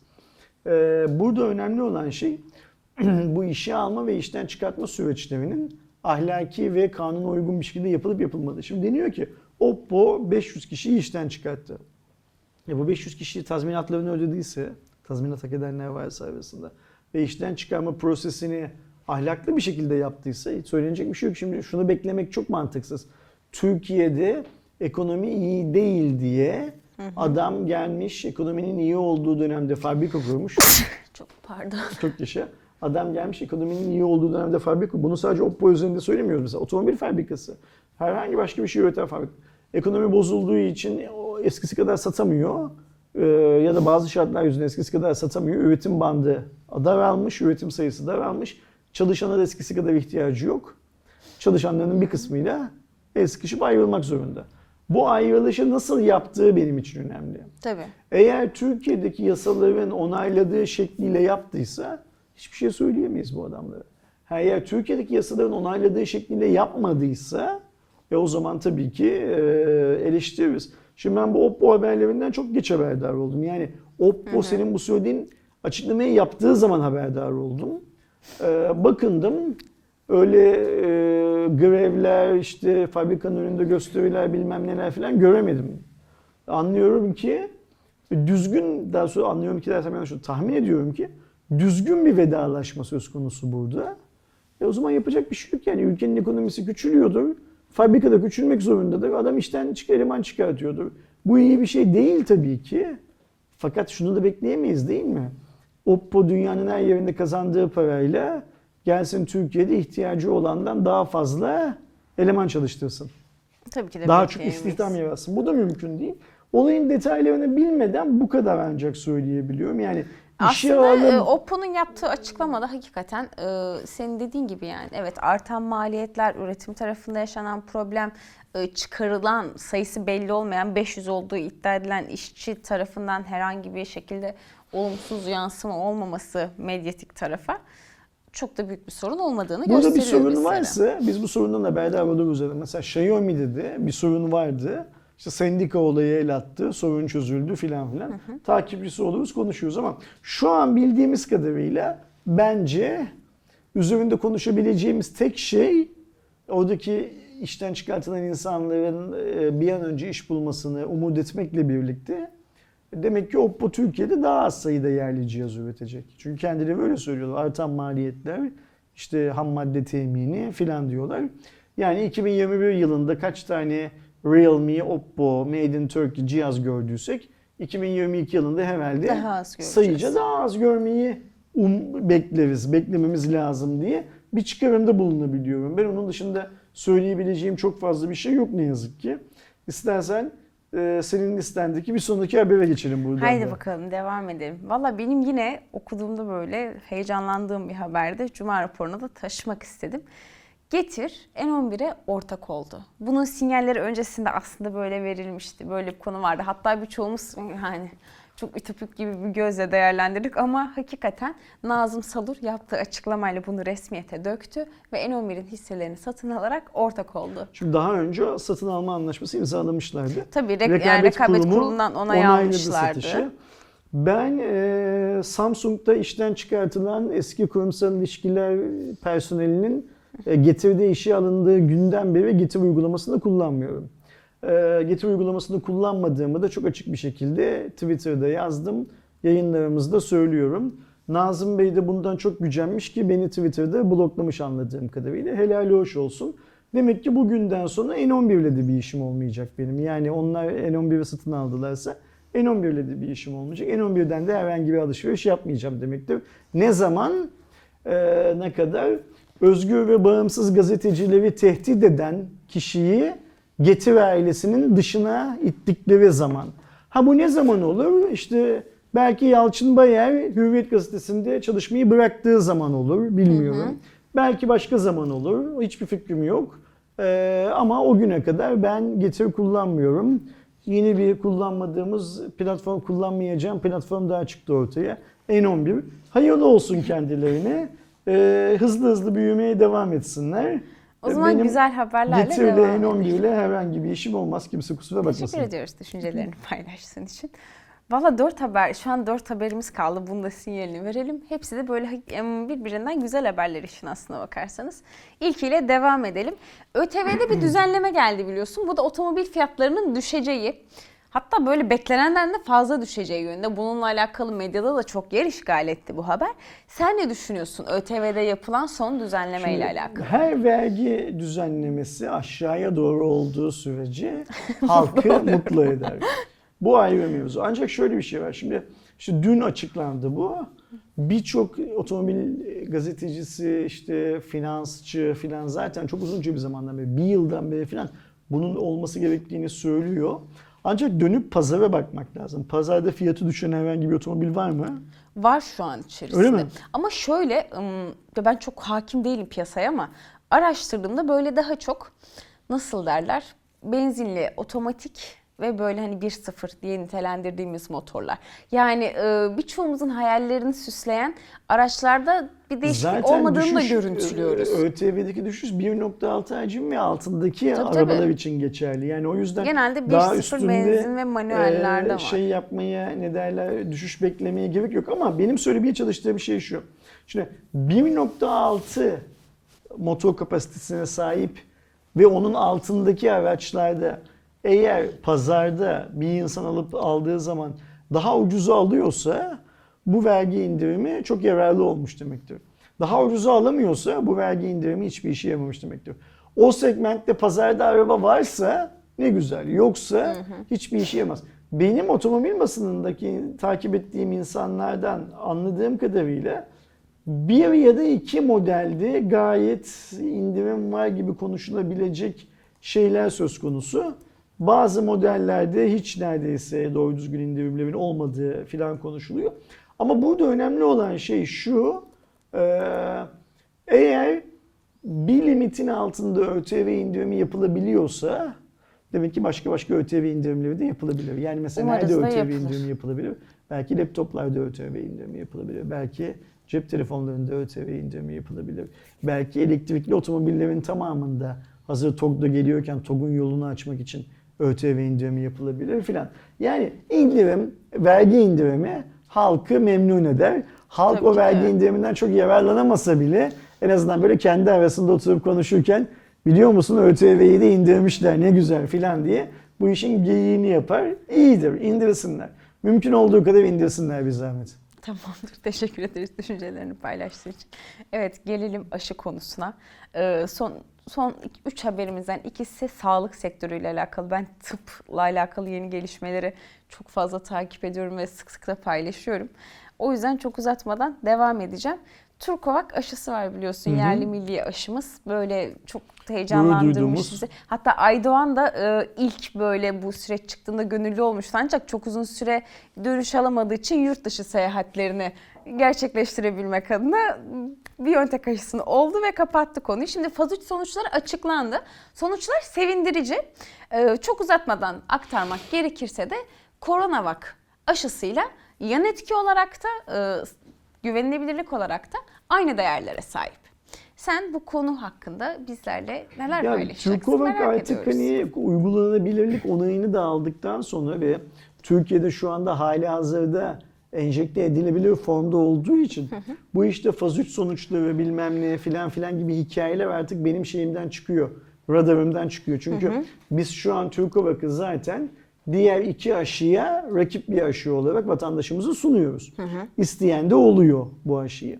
Ee, bizim buradaki Türkovak'la ilgili benim beklediğim şey Avrupa topluluğunun ve Amerika'daki Sağlık Enstitüsü'nün e, kabulü mekanizmalarının bir an önce çalışması. Yani Türkovak'ın e, global bir aşı haline gelip eğer Türkiye'nin Türkovak ihraç etme imkanı varsa bu imkanını e, konuşacağımız haberleri bekliyorum ben. E, herkes kendi istediği aşıyı vurulmakta serbest zaten. E, Türkovak için e, aldığımız her sonuç bu anlamdaki faz 3 sonuçları gibi olumlu sonuçlar. E, ama bizim tabii ki Türkovak'tan ve Türkiye'deki üzerinde çalışılan aşılardan beklentim en azından bizim dediğim benim beklentim şu. Ben istiyorum ki herhangi bir yılın Şubat'ı Mart'ı filan gibi Sağlık Bakanımız çıksın ya da Cumhurbaşkanı fark etmez. Desin ki biz bir önceki yıl olmayan aşı ihracatı konusunda toplamda bilmem kaç bin doz aşı ihraç ettik dünyaya. Buradan da Türkiye ekonomisi şu kadar lira artı değer kazandı. İşte Türkovak'a bilmem neye şuna buna ıvırına zıvırına bu yaptıkları bilimsel çalışmaları ürüne döndürdükleri için çok çok teşekkür ediyoruz desinler. Benim beklentim bu. Çünkü biz zaten aşı yapan bir ülkeydik geçmişte. Şimdi de hala yapıyoruz. Görüyoruz Türkovak gibi hani Covid gibi hayatımıza sonradan giren bir şeyle ilgili de aşı geliştirebiliyoruz. Biraz geç geliştirdik ama olsun geliştirebiliyoruz. Artık şey haberini almamız lazım. Ee, İhraç edildiği Aynen öyle. haberini almamız Bize gerekiyor. e, çünkü şu an Türk devleti milletinin en büyük derdi ekonomiyle, en büyük derdi Çok. parayla. Bize para kazandırdığının haberini bekliyorum ben. İnşallah en kısa zamanda o haberi de Sayın Cumhurbaşkanı'ndan Sayın e, Bakanından herhangi birisinden görürüz, duyarız, ez, alkışlarız. Şükürler olsun bugünleri de gördük deriz. Umarız. Umarız bu şekilde olur. Şimdi e, haberimize geçmeden önce mutlaka zaten sen de e, televizyonda karşılaşmışsındır. Televizyon izliyorsan bu haberle. Dünyada ilk kez bir domuzdan bir insana kalp nakli yapıldı. Hatta bununla alakalı sevgili Cübbeli Ahmet hocamızın da çok farklı açıklamaları oldu. Detaylarına geçmeden önce de 7 saat süren bir ameliyatla genetiği değiştirilmiş bir Kalp. domuzdan alınan kalp bir insana nakledildi ve az önce de belirttiğimiz gibi 7 saat süren bir ameliyat sonucu gayet başarılı sonuçlar elde edildi. Bu ne kadar etkileyecek sence sağlık sektörünü Çok ve bu konuyla Şimdi- alakalı ne düşünüyorsun? Mesela haram oldu. Burada Cübbeli Ahmet'in ne söylediği kimsenin umurunda değil. Öncelikle onu söyleyelim. Yani hani bu onun ve onun gibileri çok aşan bir mevzu. Yani o kalbin orada yetiştirilmesi, üretilmesi, sonra oradan alınıp bir insan vücuduna nakledilmesi, sonra o insanda onun çalışması filan filan. Bunların hepsi eee, şeyi çok büyük işler. Ee, öyle oturduğu yerden herkesin o şurası da şöyle burası da böyle diyebileceği işler değil. Şimdi Ahmet Efendi demiş ki günah değil mi? Haram demiş. Tabii olarak. ki de. Ee, kalp nakledildiği için yaşayan adama sormak lazım onu. O Ahmet'in üstüne düşen Onun şöyle bir açıklaması var. Ee, Kendisini ya öl ya da bu nakli yaptır diye telkin etmiş ve e, bu ameliyatı yapan doktorlara da FDA tarafından özel bir muafiyet verilmiş hastanın eks olma De- durumuna de- karşı. Deneysel işler bunlar çünkü. Yani bunu şöyle algılamamak lazım. Bu yapıldı. E hadi biz de işte e, Allah korusun Cübbeli Ahmet'in kalbinde bir sorun olursa alalım Cübbeli Ahmet'i götürelim Amerika'ya. Ona da domuzda yetiştirdikleri bir tane kalbi e, şey yapsınlar ne derler nakletsinler. O da gelsin burada bu haramdır diye konuşmaya devam etsin. İşi değil. İş daha o aşamaya gelmiyor. İş şu anda hala o biraz önce işte e, Türkiye'deki üniversitelerdeki başarılarından bahsettiğimiz arkadaşların bir iki adım önünde. Nerede? Aksiyonda. Bu hasta ne kadar süre yaşayacak? Bu kalp bu hastanın vücudunda bu saatten sonra herhangi bir sorun çıkartacak mı? Vesaire vesaire gibi. Bakılacak 50 bin tane norm var. O 50 bin tane norma bakılırken tabii ki bu işlem tekrarlanacaktı. Bir sefer yapılmayla sonuç almak başka bir şey. 10 kere, 100 kere, 1000 kere farklı farklı organlar için yapılmasıyla sonuç almak başka bir hikaye. O yüzden bu şey gibi bir şey. Bu arada e, bu ne haber derler? önemli. Niye önemli? Çünkü ABD'de yapıldı bu işlem. ABD'de 100 bin kişiden fazla yani şu anki verilerle 100 binden fazla kişi kalp nakli olmak için beklerken 17 kişi de gün içerisinde bu nakli beklerken aramızdan ayrılıyor maalesef. Şimdi o yüzden kalp- çok kalp verici olduğunu söyleyebiliriz Haramdır bunu. diyen adamların bir kısmı yani domuzdan kalp naklini Ay, biliyorum diyen adamların bir kısmı insandan insana organ nakline de haram diyorlardı. Tabii, tabii. Belki hala da diyorlardır. Onların ne söylediğine çok kulak asmamak lazım. Burada önemli olan şey şu. Ee, bu ve benzeri sistemler sayesinde sadece kalpte değil böbrekte de dünyada milyonlarca insan bağış bekliyor Tabii. e, hayatlarını sürdürmek için. Ee, biz bu konunun canlı şahidiyiz. Bir çalışma arkadaşımızı Berkin'i e, böbrek bulamadığı için Ruhu kaybettik. şad olsun. Onu Ee, da o yüzden de bana şöyle geliyor. Değil domuzda su bardağında geliştirebiliyor olsalar bile Ki yapay olarak da bunu çalışmalar e, devam ediyor biliyorsunuz. Mesela nakledilen insana sormak lazım. Ne düşünüyorsun? Kendini cehennemlik mi hissediyorsun, cennetlik mi hissediyorsun? Çünkü bu bir şekilde o insanın hmm, daha uzun yaşaması şart değil bak burada. Daha konforlu yaşamasını sağlayacak evet bir şey. bu konuda Şimdi kesinlikle katılıyorum. biz Berkin'in son günlerinde Berkin'in sürekli diyalize gittiğini, günde 3 saatini, günde 4 saatini diyalizde harcadığını, oraya geliş gidiş zamanlarında sorun olmasın diye sabahın körü, sabah saat 6 filan gibi saatlerde gittiğini, bir yandan da Covid kapmasın, boş olsun filan diye biliyoruz. Bu konforsuz bir yaşam. Yani sen böbrek hastasısın diye e, böbrek hastalığının sana yaşattığı konforsuzluktan daha fazla konforsuzluğu yaşamak zorunda değilsin. Keza şu domuz kalbi takılan nakledilen kişi de e, konforsuz bir yaşam sürüyordu. Burada önemli olan şey bu insanların yaşamı biraz daha konforlu hale gelecek mi? Bu insanlar çevrelerine muhtaç olmadan hayatlarını İdame tamamlayabilecekler mi? Filan gibi hikayeler var. Bilime karşı çıkmak Çok kolay bir şey. Ve çok büyük ahmaklık. Galata Kulesi'nden uçan adama da Hazarfen Ahmet Çelebi'ye de o zamanlar karşı çıkanlar vardı. Deli diyorlarmış ona. Ee, gidip padişaha ya iki gün sonra senin camına konarsa diyenler vardı. O günün Şeyhülislam'ı sanırım bunun e, dine uygun bir hareket olmadığını söylüyordu. Bugün Cübbeli Ahmet de büyük bir ihtimalle bir yerden başka bir yere gittiği zaman uçağa biniyordu diye tahmin ediyorum. Ee, o yüzden hani böyle e, insanlar böyle bir kendi yaptıkları işi bilsinler, kendi yaptıkları işle ilgili şey yapsınlar daha çok e, fikir bildir. Hadi o diyecek ki işte haram bu da benim işim diyecek de yani öyle her şeyi haram her şeyi helal ilan etmek de ne senin ne benim ne de Kimsenin Cübbeli Ahmet'in üstüne vazife değil diye tahmin ediyorum. E, zaten işte Diyanet'in bir tane şey kurumu var, e, fetva kurumu var. Onlar yeterince her şeyi haram ilan ediyorlar.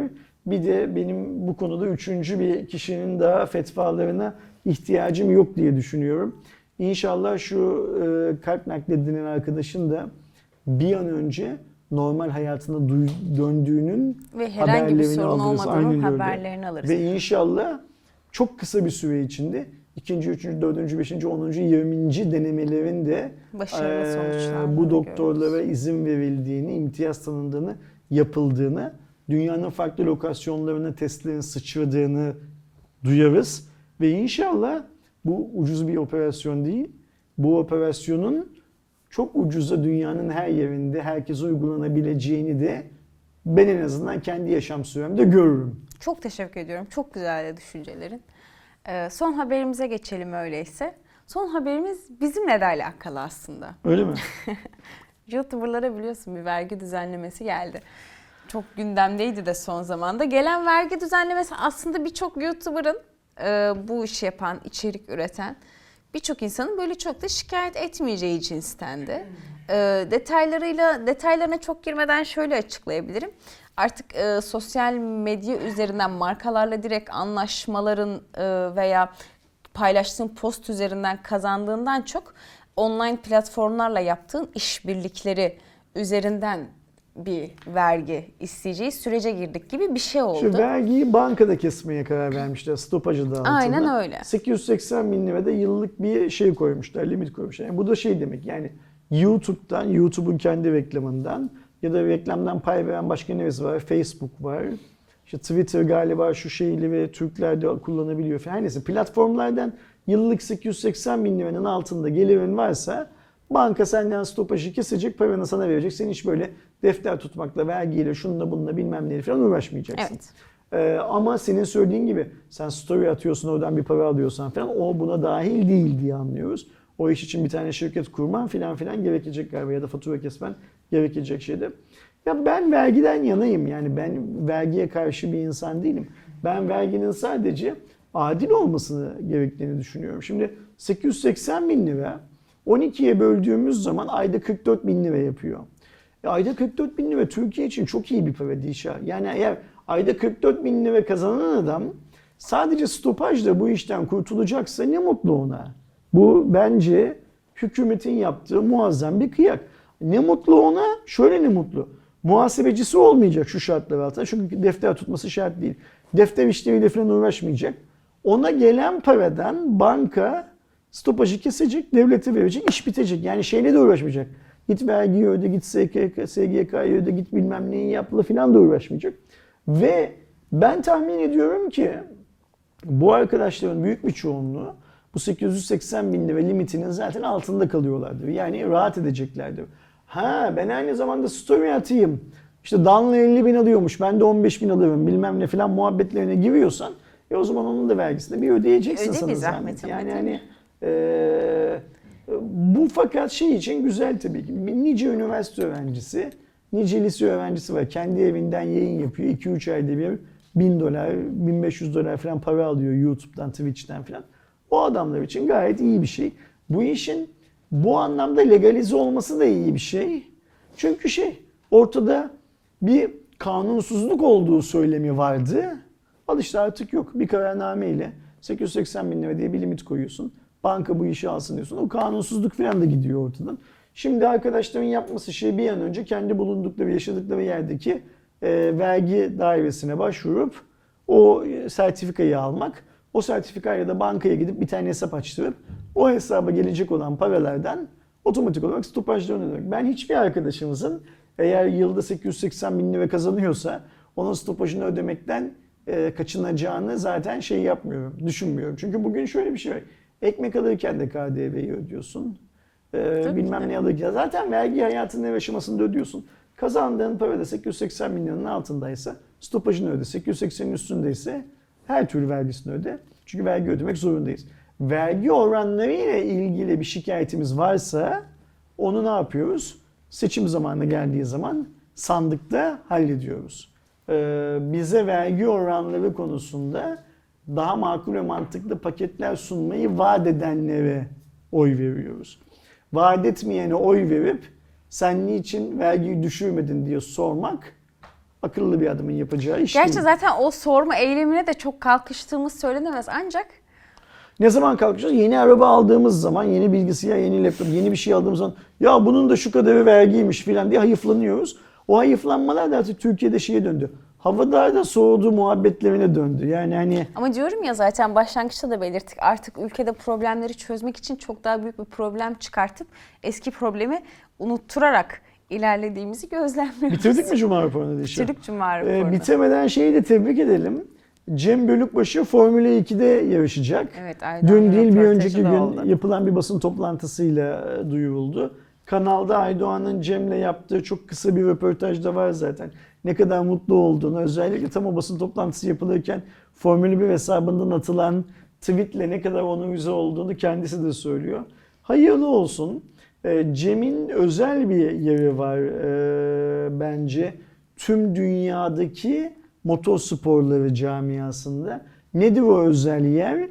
Ee, şimdi motor sporlarında başarılı olan isimlere baktığımız zaman bunların genellikle 6-7 yaşında yani daha çok küçükken daha yürümeyi yeni öğrendikleri sırada go-kart falan kullanarak işe girdiklerini, annelerinin, babalarının, ebeveynlerinden birisinin mutlaka motor sporlarıyla uğraştığını filan görüyoruz. Dünyadaki şu anki yani Formula 1 olsun, Dünya Rally Şampiyonası olsun, Nasdaq'ın olsun, ne olursa olsun tamamındaki şeyin, bu arada Nasdaq'ı yanlış telaffuz ettim, tamamındaki yarışçıların böyle bir şeyi var, gelişim süresi var.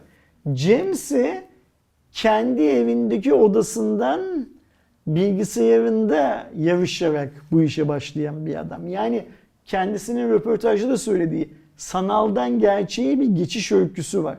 Bu anlamda çok önemli Cem. Sadece çok- çok- Türkiye çok için başarılı değil, olur. tüm dünya motorsporları ile ilgilenen insanları, markaları, federasyonları, eğitmenleri vesaire vesaire için çok önemli. Türkiye içinse işte Cem'in zaten bugüne kadar geldiği noktada aldığı başarılar ortada. Bundan sonra da inşallah işte Formula F2'de Cem'i gördükten sonra F1'de niçin görmeyelim? Çünkü şu haliyle yaşı da F1 için hala potada görünüyor. Ee, belki seneye bu zamanlar artık F1'de yarışacağım Umarız. duyurusunu da Cem'den görürüz ve böylece kendi odasında bilgisayar karşısından F1'e giden muazzam bir başarı öyküsünü bir Türk çocuğu adı Cem Bölükbaşı olan bir Türk çocuğu yazmış olur. Biz de böyle oh ne güzel aferin çocuk sana diye diye Tekrar onu desteklemeye devam ederiz. Eline sağlık Cem'in, aklına sağlık. Her şeyden önce de hayal gücüne sağlık Cem'in. Bu hayal gücü olmasa bunların hiçbirisi olmazdı büyük bir ihtimalle. Kaçıncı cuma raporunu bitirdik seninle birlikte? Vallahi 189. Cuma raporunu benimle birlikte bitirdik. Okey. Umarım izleyicilerimiz için de çok keyifli bir Cuma raporu olmuştur. Benim için çok keyifliydi. Çok çok teşekkür ediyorum sana. Ee, Aydoğan'a ve Eren'e ve şu an Türkiye'de onların pozisyonunda olan herkese geçmiş olsun diye. Evet, e, çok çok Henüz edin üçüncü dozunu olamamış benim gibi adamlara ben henüz olamadım. Benim gibi adamlara da e, kalk bir an önce git şu üçüncü dozunu ol diyelim. Ben üçüncü dozumu olmak için üçüncü dozu bana yapacak fellik fellik nokta arıyorum Ama ve işte bak bulamıyorum. evet şu var. Olmadın değil aslında. Olamadın üçüncü dozu gibi Sonuçta durumlar üçüncü dozu gelişti. olmak benim boynumun borcu. E, Devlet şu anda bunu bazı noktalarda ücretsiz olarak gelen her vatandaşına yapıyor. Ben o her vatandaş arasına girmeyi beceremiyorum şu anda. Ee, saat 11'den sonra benim bölgemde aşı yapan yer yok. Saat 11'den sonra aşı yapan yere gidiyorsun, bekliyorsun. 6 kişi bulunamıyor filan filan. O yüzden lütfen benim pozisyonumda olan arkadaşlar e, benden daha başarılı bir şey yapsınlar. e, Aksiyon planı yapsınlar. Bir an önce aşılansınlar. E, Çünkü bu aşıyı olmak zorundayız. Aydoğan belki de aşıyı olduğu için hastalığa karşı daha şey. Aydoğan derler, oldu korunak- değil mi üçüncü doz Amerika, aşısını? Amerika'ya gitmeden önce aşısını oldu. O belki o yüzden daha korunaklı ve belki o yüzden bizim bu aldığımız küçük önleme önlem aslında bizi korumak için bizim aldığımız önlem. Ama Aydoğan'a bulaşmayacak. Aydoğan'a bulaşmadığı için Aydoğan da bize bulaştırmayacak belki zaten. Burada önemli olan şey bizim vatandaş olarak, e, bizim insan olarak, bu dünyanın herhangi bir yerine adım basan, yaşayan bir insan olarak kendimizi hastalıktan korumakla biz yükümlüyüz.